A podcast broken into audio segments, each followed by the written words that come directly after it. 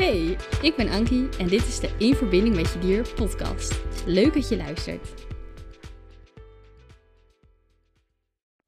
Hallo allemaal en wat leuk dat jullie weer luisteren naar een nieuwe aflevering van de In Verbinding met Je Dier podcast.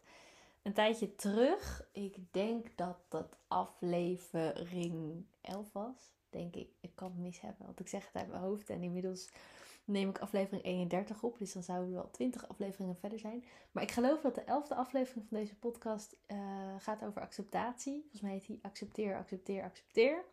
En de aflevering van vandaag heet Vertrouw, Vertrouw, Vertrouw. En um, toen ik die titel net opschreef, dacht ik: Oh, eigenlijk past dus die, deze titel heel erg bij die podcast over uh, acceptatie. Maar vandaag wil ik het met jullie hebben over vertrouwen. En niet een beetje vertrouwen, maar echt diep vertrouwen. Wat bedoel ik daarmee? Nou, de afgelopen tijd heb ik in mijn leven uh, een heleboel uitdagingen gekregen. Op heel veel verschillende gebieden. Um, maar met als grootste gelijknamige noemer of deler, of ik weet niet hoe, dat, hoe je dat, dat noemt. In ieder geval met de grote overeenkomst dat er voor mij, uh, ik geloof erin dat, er, dat ik hier heel veel in mijn leven, heel veel dingen leer. En heel veel uitdagingen op, krijg, op mijn pad krijg om dingen te leren. Ik geloof erin dat iedereen hier is om te leren, maar goed, dat is mijn waarheid. Ik weet niet hoe jij daarover denkt, maar voor mij voelt dat fijn, voelt dat als waarheid. Dat heb ik aangenomen. Dat geloof ik. Ik ben hier om dingen te leren. En uh, de, de les die nu voor mij dus op verschillende, in verschillende situaties, op verschillende gebieden nu steeds terugkomt. En waar ik dus nog heel erg middenin zit en nog heel erg aan het leren ben. Maar toch dacht, oh hier kan ik ook alvast wel wat over delen. Want ik heb er nu ook al wat over geleerd. Is dus vertrouwen, vertrouwen, vertrouwen. Dus er gebeuren nu gewoon meerdere dingen in mijn leven. Niks ernstigs hoor trouwens, allemaal goede dingen, maar wel uitdagende dingen die um, ik ook allemaal heel spannend vind en best wel eng vind. En waarbij ik steeds voel van, oh, ik mag nog meer vertrouwen. Ik mag nog meer vertrouwen. Ik mag nog meer vertrouwen. Dus echt diep, diep, diep vertrouwen. Um, dus ja, daar wil ik het vandaag over hebben. En um, ja, weet je, je maakt in je leven altijd dingen mee die je spannend vindt. Wat dat ook is, hè, dat kan iets heel groot zijn of iets heel kleins. En ja, wat voor de een groot is, is voor de ander klein. Dus het is ook heel erg kwestie. Nou, het verschilt heel erg per persoon. Het is ook heel erg een kwestie van hoe je het leven staat. En wat je groot vindt, wat je klein vindt, hoe je naar het leven kijkt. Um, maar er zijn gewoon altijd wel. Ik heb altijd, als ik voor mezelf spreek, altijd wel dingen die ik gewoon spannend vind. En um, ja, die ik ook gewoon eng vind. en dat mag er zijn. Ik, ik zei net tegen mezelf die angst mag er ook zijn. Die angst is ook oké, want ik heb het contrast nodig. Als ik nooit bang zou zijn, dan zou ik het ook niet, zou ik het ook niet doorhebben als ik in het vertrouwen zou zitten en, en, en vertrouwen zou voelen. Snap je? Als, ik, als je nooit angst voelt, dan weet je ook niet hoe het is om te vertrouwen. Dus de angst mag er zijn. En dat zeg ik niet alleen tegen jou als luisteraar, maar ook vooral tegen mezelf. Je mag bang zijn, dat is oké. Daar ben je mens voor. Dat is helemaal oké. Maar ik vroeg me net wel af, want ik was er even over aan het nadenken. Ik vroeg me net wel af van, joh, waarom ben ik bang? Waarom kan ik soms zo bang zijn? En daarbij is het trouwens heel belangrijk om je te beseffen dat jij niet je angst bent.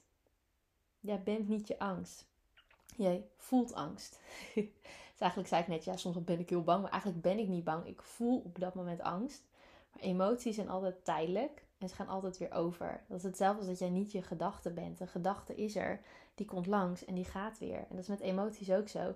Je voelt een emotie, ervaart een emotie, dan is er. En vroeg of laat vertrekt die vanzelf weer.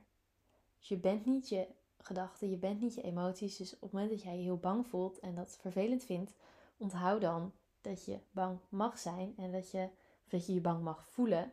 En dat jij je angst niet bent, maar dat het een tijdelijke ervaring is die ook weer overgaat. Dat vind ik voor mezelf een hele fijne gedachte, omdat ik daardoor, die gedachte ben ik dus ook niet, maar dat vind ik dus een hele fijne gedachte, omdat ik daardoor um, mijn angst dan wel kan accepteren. Dus in plaats van dan tegen mezelf te zeggen, ja nou stel, nou Ankie, kom op, stel je niet aan. Je hoeft helemaal niet eng te vinden, want jij kan het makkelijk en weet je wel zo. Ik heb dan soms een, een innerlijke criticus, zeg maar, die dan tegen mij zegt: Nou, Ankie, kom op. Je hoeft hier echt niet bang voor te zijn, weet je wel. Hè? Die dan echt een beetje loopt te zeuren. En die innerlijke criticus, die, die dan ja, het echt gewoon heel stom van mij vindt dat ik bang ben. Maar, of dat ik me bang voel. Maar um, ja, die angst die mag er gewoon zijn. En um, ja, het helpt voor mij dus heel erg als ik weet van, oh ja, die angst gaat vroeg of laat vanzelf weer over. Dus het, mag er, het is er nu en het mag er zijn. En het is dus ook nodig om uh, voor mijzelf, ik heb het nodig om te kunnen zien wanneer ik weer in het vertrouwen zit. Het fijn is ook, wat ik ook heel geruststellend vind, om hier nog even op door te gaan, is dat ik ook uh, heel erg voel dat ik elk moment dat ik toch even angstig voel, uh, dat ik als ik juist als ik die angst laat zijn, dan kan die angst ook weer gaan. En op het moment dat ik die angst wegduw en hem niet wil voelen, dan komt hij juist terug. Dan komt hij en ook sterker terug. Dus ik kan me beter voelen. hoe moeilijk het soms ook is, hoe uitdagend het soms ook is. Um, maar uh, uh, op het moment dat ik die angst heb gevoeld, dan kan ik er ook voor kiezen om hem los te laten en weer bewust in het vertrouwen te stappen. En dan kun je elk moment opnieuw voor kiezen. Dus de angst mag er zijn. Het contrast is ook nodig om dus te ervaren wanneer je weer in het vertrouwen zit. En um, ja, waarom, ben ik, waarom voel ik me soms bang? Dat was de vraag die ik mezelf net afvroeg. En toen dacht ik, ja, weet je, op, en met mijn ziel, zeg maar, vanuit mijn ziel komt deze passie, deze missie om mensen en dieren te verbinden. En vanuit mijn ziel voel ik wat goed voelt voor mij. Um, maar ik heb ook nog een verstand. Of een ego. Het is maar net hoe je het wil noemen. Een, een, een denkhoofd, zeg maar. En um, mijn verstand, die wil mij gewoon heel graag beschermen. Want mijn verstand vindt heel veel dingen best wel eng in deze wereld. En als je bijvoorbeeld ook naar het nieuws kijkt. Als ik naar het nieuws kijk, ik word daar gewoon soms een beetje bang van. Er gebeurt zoveel narigheid in de wereld. Maar dat is maar net ook met welke bril je naar de wereld kijkt. Want op het nieuws komen ook eigenlijk alleen de spraakmakende berichten die. Uh, uh, en die zijn vaak ook negatief, omdat dat, dat is interessant voor mensen om naar te kijken of naar te luisteren. En daarom ben ik een paar jaar terug ook gewoon gestopt met het nieuws te volgen. En dat klinkt misschien een beetje naïef van, nou ja, weet je, Ankie. Je zou dan kunnen denken, nou maar Ankie, dan stop je toch je kop in het zand van, ik wil gewoon alle nagheid niet zien. Nou, dat is voor mij niet per se de, de, de bedoeling erachter of de gedachte erachter. Maar het is voor mij heel erg dat ik gewoon, als ik het nieuws volg, dan voel ik, mijn voel ik me gewoon sneller angstig. Omdat ik heel erg gefocust ben op alle dingen die nog niet goed gaan in de wereld en die naar zijn. Terwijl er ook heel veel dingen wel goed gaan en er ook een heleboel fijne en mooie dingen in de wereld zijn. Maar die zie ik dan eigenlijk niet meer of veel minder. Dus ja, daarom ben ik gewoon gestopt met nieuws te volgen een paar jaar terug. En uh, tot nu toe bevalt het goed. Want als er echt iets heel ergs is of echt iets heel belangrijks is wat ik moet weten, dan hoor ik het altijd wel van de mensen om me heen. Maar goed, um, ja, het verstand, mijn verstand, en ik, ja, misschien dat het voor jou herkenbaar is. Ik denk dat het voor heel veel mensen herkenbaar is, dat heel veel mensen dit hebben. Sterker nog, ja, ik kan natuurlijk niet met zekerheid zeggen, maar ik heb wel het gevoel dat iedereen dit wel in meer of mindere mate heeft. Je verstand vindt alles eng, of alles, heel veel dingen gewoon eng en ziet heel veel gevaren en wil jou daarom beschermen. En dat is helemaal oké. Dat is eigenlijk ook heel mooi. Want stel dat je dat verstand, dat logische nadenken, het logische beredeneren, dat logische verstand niet had, dan zou je geen gevaren zien. En dan zou je zo, uh, uh, weet ik veel, zo hinkelend de snelweg oplopen. en ja, weet je, dat, dat, je moet wel, er mag natuurlijk een balans zitten. Je mag bang zijn. En die angst die helpt je ook om uh, ook risico's in te schatten en gevaren te zien. En niet zomaar een drukke weg over te steken. Maar om ook uh, in die zin ook even logisch na te denken van... hé, hey, hoe hou ik mezelf veilig? Dus in die zin is angst alleen maar heel erg goed. Alleen, soms zijn we bang voor dingen waar we niet echt bang voor hoeven te zijn. Net zoals dat ik, voordat ik met dit bedrijf... Hè, voordat ik als dierencoach begon en mijn bedrijf startte, mijn bedrijf oprichtte...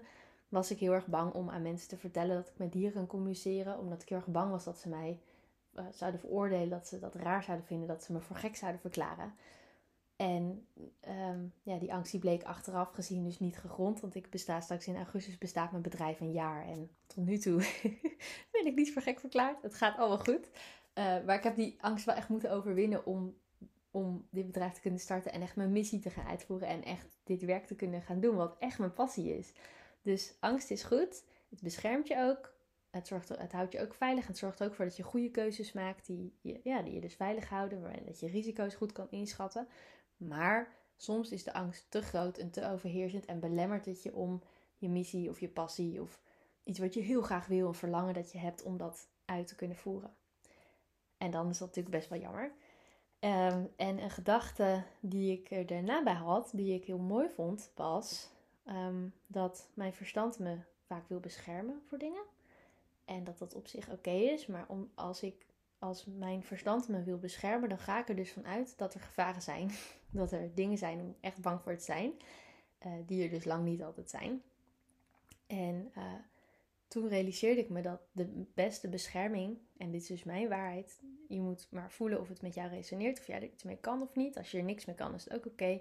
Maar mijn waarheid is dat de beste bescherming voor mij vertrouwen is. Want op het moment dat ik vertrouw, hoef ik niet bang te zijn. Want ik vertrouw. En dan zit ik zo in het vertrouwen dat, ik, uh, dat er eigenlijk niks meer is om bang voor te zijn. Dus hoef ik, heb ik ook geen bescherming meer nodig. Dus ja, het klinkt een beetje paradoxaal op het moment dat je je bang voelt. Maar de beste bescherming is vertrouwen. Want op het moment dat ik vertrouw, dan word ik beschermd. Dan wordt er voor mij gezorgd. Dat, is, dat zeg ik al tegen mezelf op het moment dat ik me dus angstig voel. Ik vertrouw er heel erg op dat het leven voor mij zorgt. Dat het leven mij beschermt. En uh, ja, het is maar net hoe je het wil noemen. Het is maar net hoe je in het leven staat. sommige mensen geloven in een God. Andere mensen geloven in het universum. Andere mensen geloven in het leven of in de bron. Het is maar net wat voor woord je eraan wil geven. Maar ik geloof er wel in dat er meer is, zeg maar. en uh, uh, dat er een hoger bewustzijn is. Wat echt voor mij zorgt. Dat, en dat hoef jij, daar hoef het niet mee te jij, kan je, mag je heel anders over denken. Prima, respecteer ik helemaal. Maar dat is voor mij de waarheid. Dus ik vertrouw erop dat op het moment dat ik vertrouw dat er voor mij wordt gezorgd en dat ik word beschermd indien er wel echt een gevaar is. Maar tot nu toe valt dat best mee. Dus de beste bescherming is vertrouwen. En uh, dat vertrouwen, als ik op het moment dat ik in het vertrouwen zit, dan maakt mijn leven, al, maakt mijn leven lichter en makkelijker en ook leuker. Op het moment dat ik vanuit vertrouwen naar het leven kijk, dan interpreteer ik alles veel liefdevoller en positiever en uh, fijner en leuker. Dat vind ik mijn leven leuker. En dit geldt natuurlijk ook voor uh, in het contact met je dier, voor de, in de verbinding met je dier. Het is maar net, en daar heb ik dus ook een podcast over gemaakt. Volgens mij heet die Het is een kwestie van perceptie. Ik weet niet meer zeker welk nummer dat was, welke, hoeveelste aflevering dat was, maar je kunt hem wel vinden. Uh, het is een kwestie van perceptie, waarin ik dus heel erg vertelde van het is maar net met welke bril jij naar de wereld kijkt.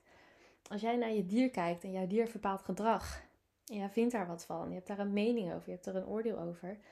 Dat kan een positief oordeel zijn, het kan een negatief oordeel zijn. Het zegt nog niet eens heel veel over jouw dier, maar meer over jou en hoe jij er naar kijkt. Je kan gedrag van je dier zien en denken: oh, stel voor dat je even heel erg vanuit angst naar je dier kijkt, dan denk je: oh, alles gaat mis. Ik heb het als baasje helemaal verkeerd gedaan. Of mijn dier doet het helemaal expres. Mijn dier heeft er geen zin in. Mijn dier is lui. Mijn dier is dom. Mijn dier wil het niet. Uh, waarom wil mijn dier het niet? Omdat ik geen goede leider ben voor mijn dier. Ik heb alles verkeerd gedaan. Ik heb alles verpest. Dat is een hele serie aan, aan paniek, angstachtige gedachten over jou en over je dier. En je kan natuurlijk ook naar je dier kijken en denken: oké, als ik het even vanuit vertrouwen zou bekijken, oké, mijn dier doet nu iets wat, of mijn dier doet nu niet iets, of doet niet wat ik graag wil dat hij doet. En dat vind ik heel vervelend. Maar ik doe mijn best. Ik ben goed genoeg. Ik ben goed zoals ik ben. Ik doe mijn uiterste best als baasje. En ik doe precies dat wat in mijn vermogen ligt voor mijn dier. Meer dan dat kan ik ook niet doen. Dus het is goed genoeg. En oké, mijn dier doet niet wat ik van hem vraag of wat ik graag wil. Maar ik zie wel dat hij het probeert. En ik zie wel dat hij zijn best doet. En misschien heeft hij zijn dag niet. Misschien voelt hij zich niet lekker. Mijn dier heeft vast een hele goede reden ervoor om iets niet te doen. Want daar geloof ik heel erg in. Dat zie ik bij mijn eigen dier ook heel erg terug mijn dieren doen lang niet altijd alles wat ik van ze wil of van ze vraag. dus niet zo omdat ik met ze kan communiceren dat ze daardoor in één keer allemaal magisch naar mij luisteren. Want ze hebben ook een eigen karakter en een eigen persoonlijkheid en een eigen uh, uitdagingen. En uh, soms dan wil ik iets van ze wat ze op dat moment niet kunnen. Of op een of andere manier niet toe in staat zijn. Maar ik zie dat ze er altijd oprecht een hele goede reden voor hebben. Ze doen nooit iets met het idee, nou, we gaan Ankie eens even lekker tegenwerken. Of nou, we gaan eens even lekker expres heel eigenwijs en tegendraads doen. Nee, mijn dieren willen oprecht best wel iets met mij doen. Maar uh, soms niet op dat moment. Of soms zijn ze daar op dat moment niet toe in staat. Of soms zijn ze te gespannen om iets te doen of te luisteren. Ik had gisteren met mijn paard, ik denk dat dat wel een leuk voorbeeld is. Ik ging gisteren naar mijn paard toe en ik ging haar ophalen. en uh, ik wou uh, haar meenemen naar, uh, naar de poetsplekken. Dat is een plek waar ik haar dan even vast kan zetten aan een hek. En ik wou even haar hoeven uitkrabben en ik wou even poetsen en even borstelen. En nou ja, goed, ik wou even verzorgen. Dus ik wou haar meenemen naar een specifieke plek. Anka, mijn paard, die wou naar de wei, die wou gras eten. Ze is dol eten. Ik wou dus naar links. en zij wou naar rechts. En ze liep los. En eh, ik zei dus van, nou, kom je mee? Want ik liep naar haar toe en zij kwam ook naar mij toe. Dus ik dacht, oh leuk, yes, ze heeft zin om mee te gaan. Nou, top, we gaan naar links. En we kwamen dus bij het kruispunt en ik zei, we gaan naar links. En Anka zei, nee, ik ga naar rechts. En, ze liep dus ook naar rechts. En toen baalde ik wel even. Kijk, ik ben ook maar gewoon een mens. En ik dacht, ja, hallo, uh, kom op. Ik kom nu hier speciaal voor jou. Aan het eind van de dag. Ik ben ook moe. Ik heb hier helemaal geen tijd voor. Wat is dit nou? Waarom luister je nou niet? Dat was heel even hè, wat mijn verstand, wat mijn ego aan gedachten influisterde. Zo van, ja, kom op zeg, hallo. Ik ga hier niet... Uh, als zij nu gras gaat eten, nou, dan uh, staat ze hier de rest van de dag. Ik ga hier niet, niet uren op haar zitten wachten. Dat was heel even wat er in mijn hoofd opkwam. Nou, ik had dat gelukkig door. Ik was me daar bewust van. En ik dacht, oké, laat ik toch even kijken waarom ze naar rechts wil. Waarom ze naar de wei wil. Dus zij liep een heel stuk verder naar de wei. Dat is een heel lang, smal strookje gras, zeg maar. Dus dan kun je heel ver lopen. Dus zij liep met mij een heel stuk. En ik liep dus met haar mee. En toen ze aan het einde van, de, van dat lange stuk was, daar stond nog het meest hoge gras. En daar wou ze eten.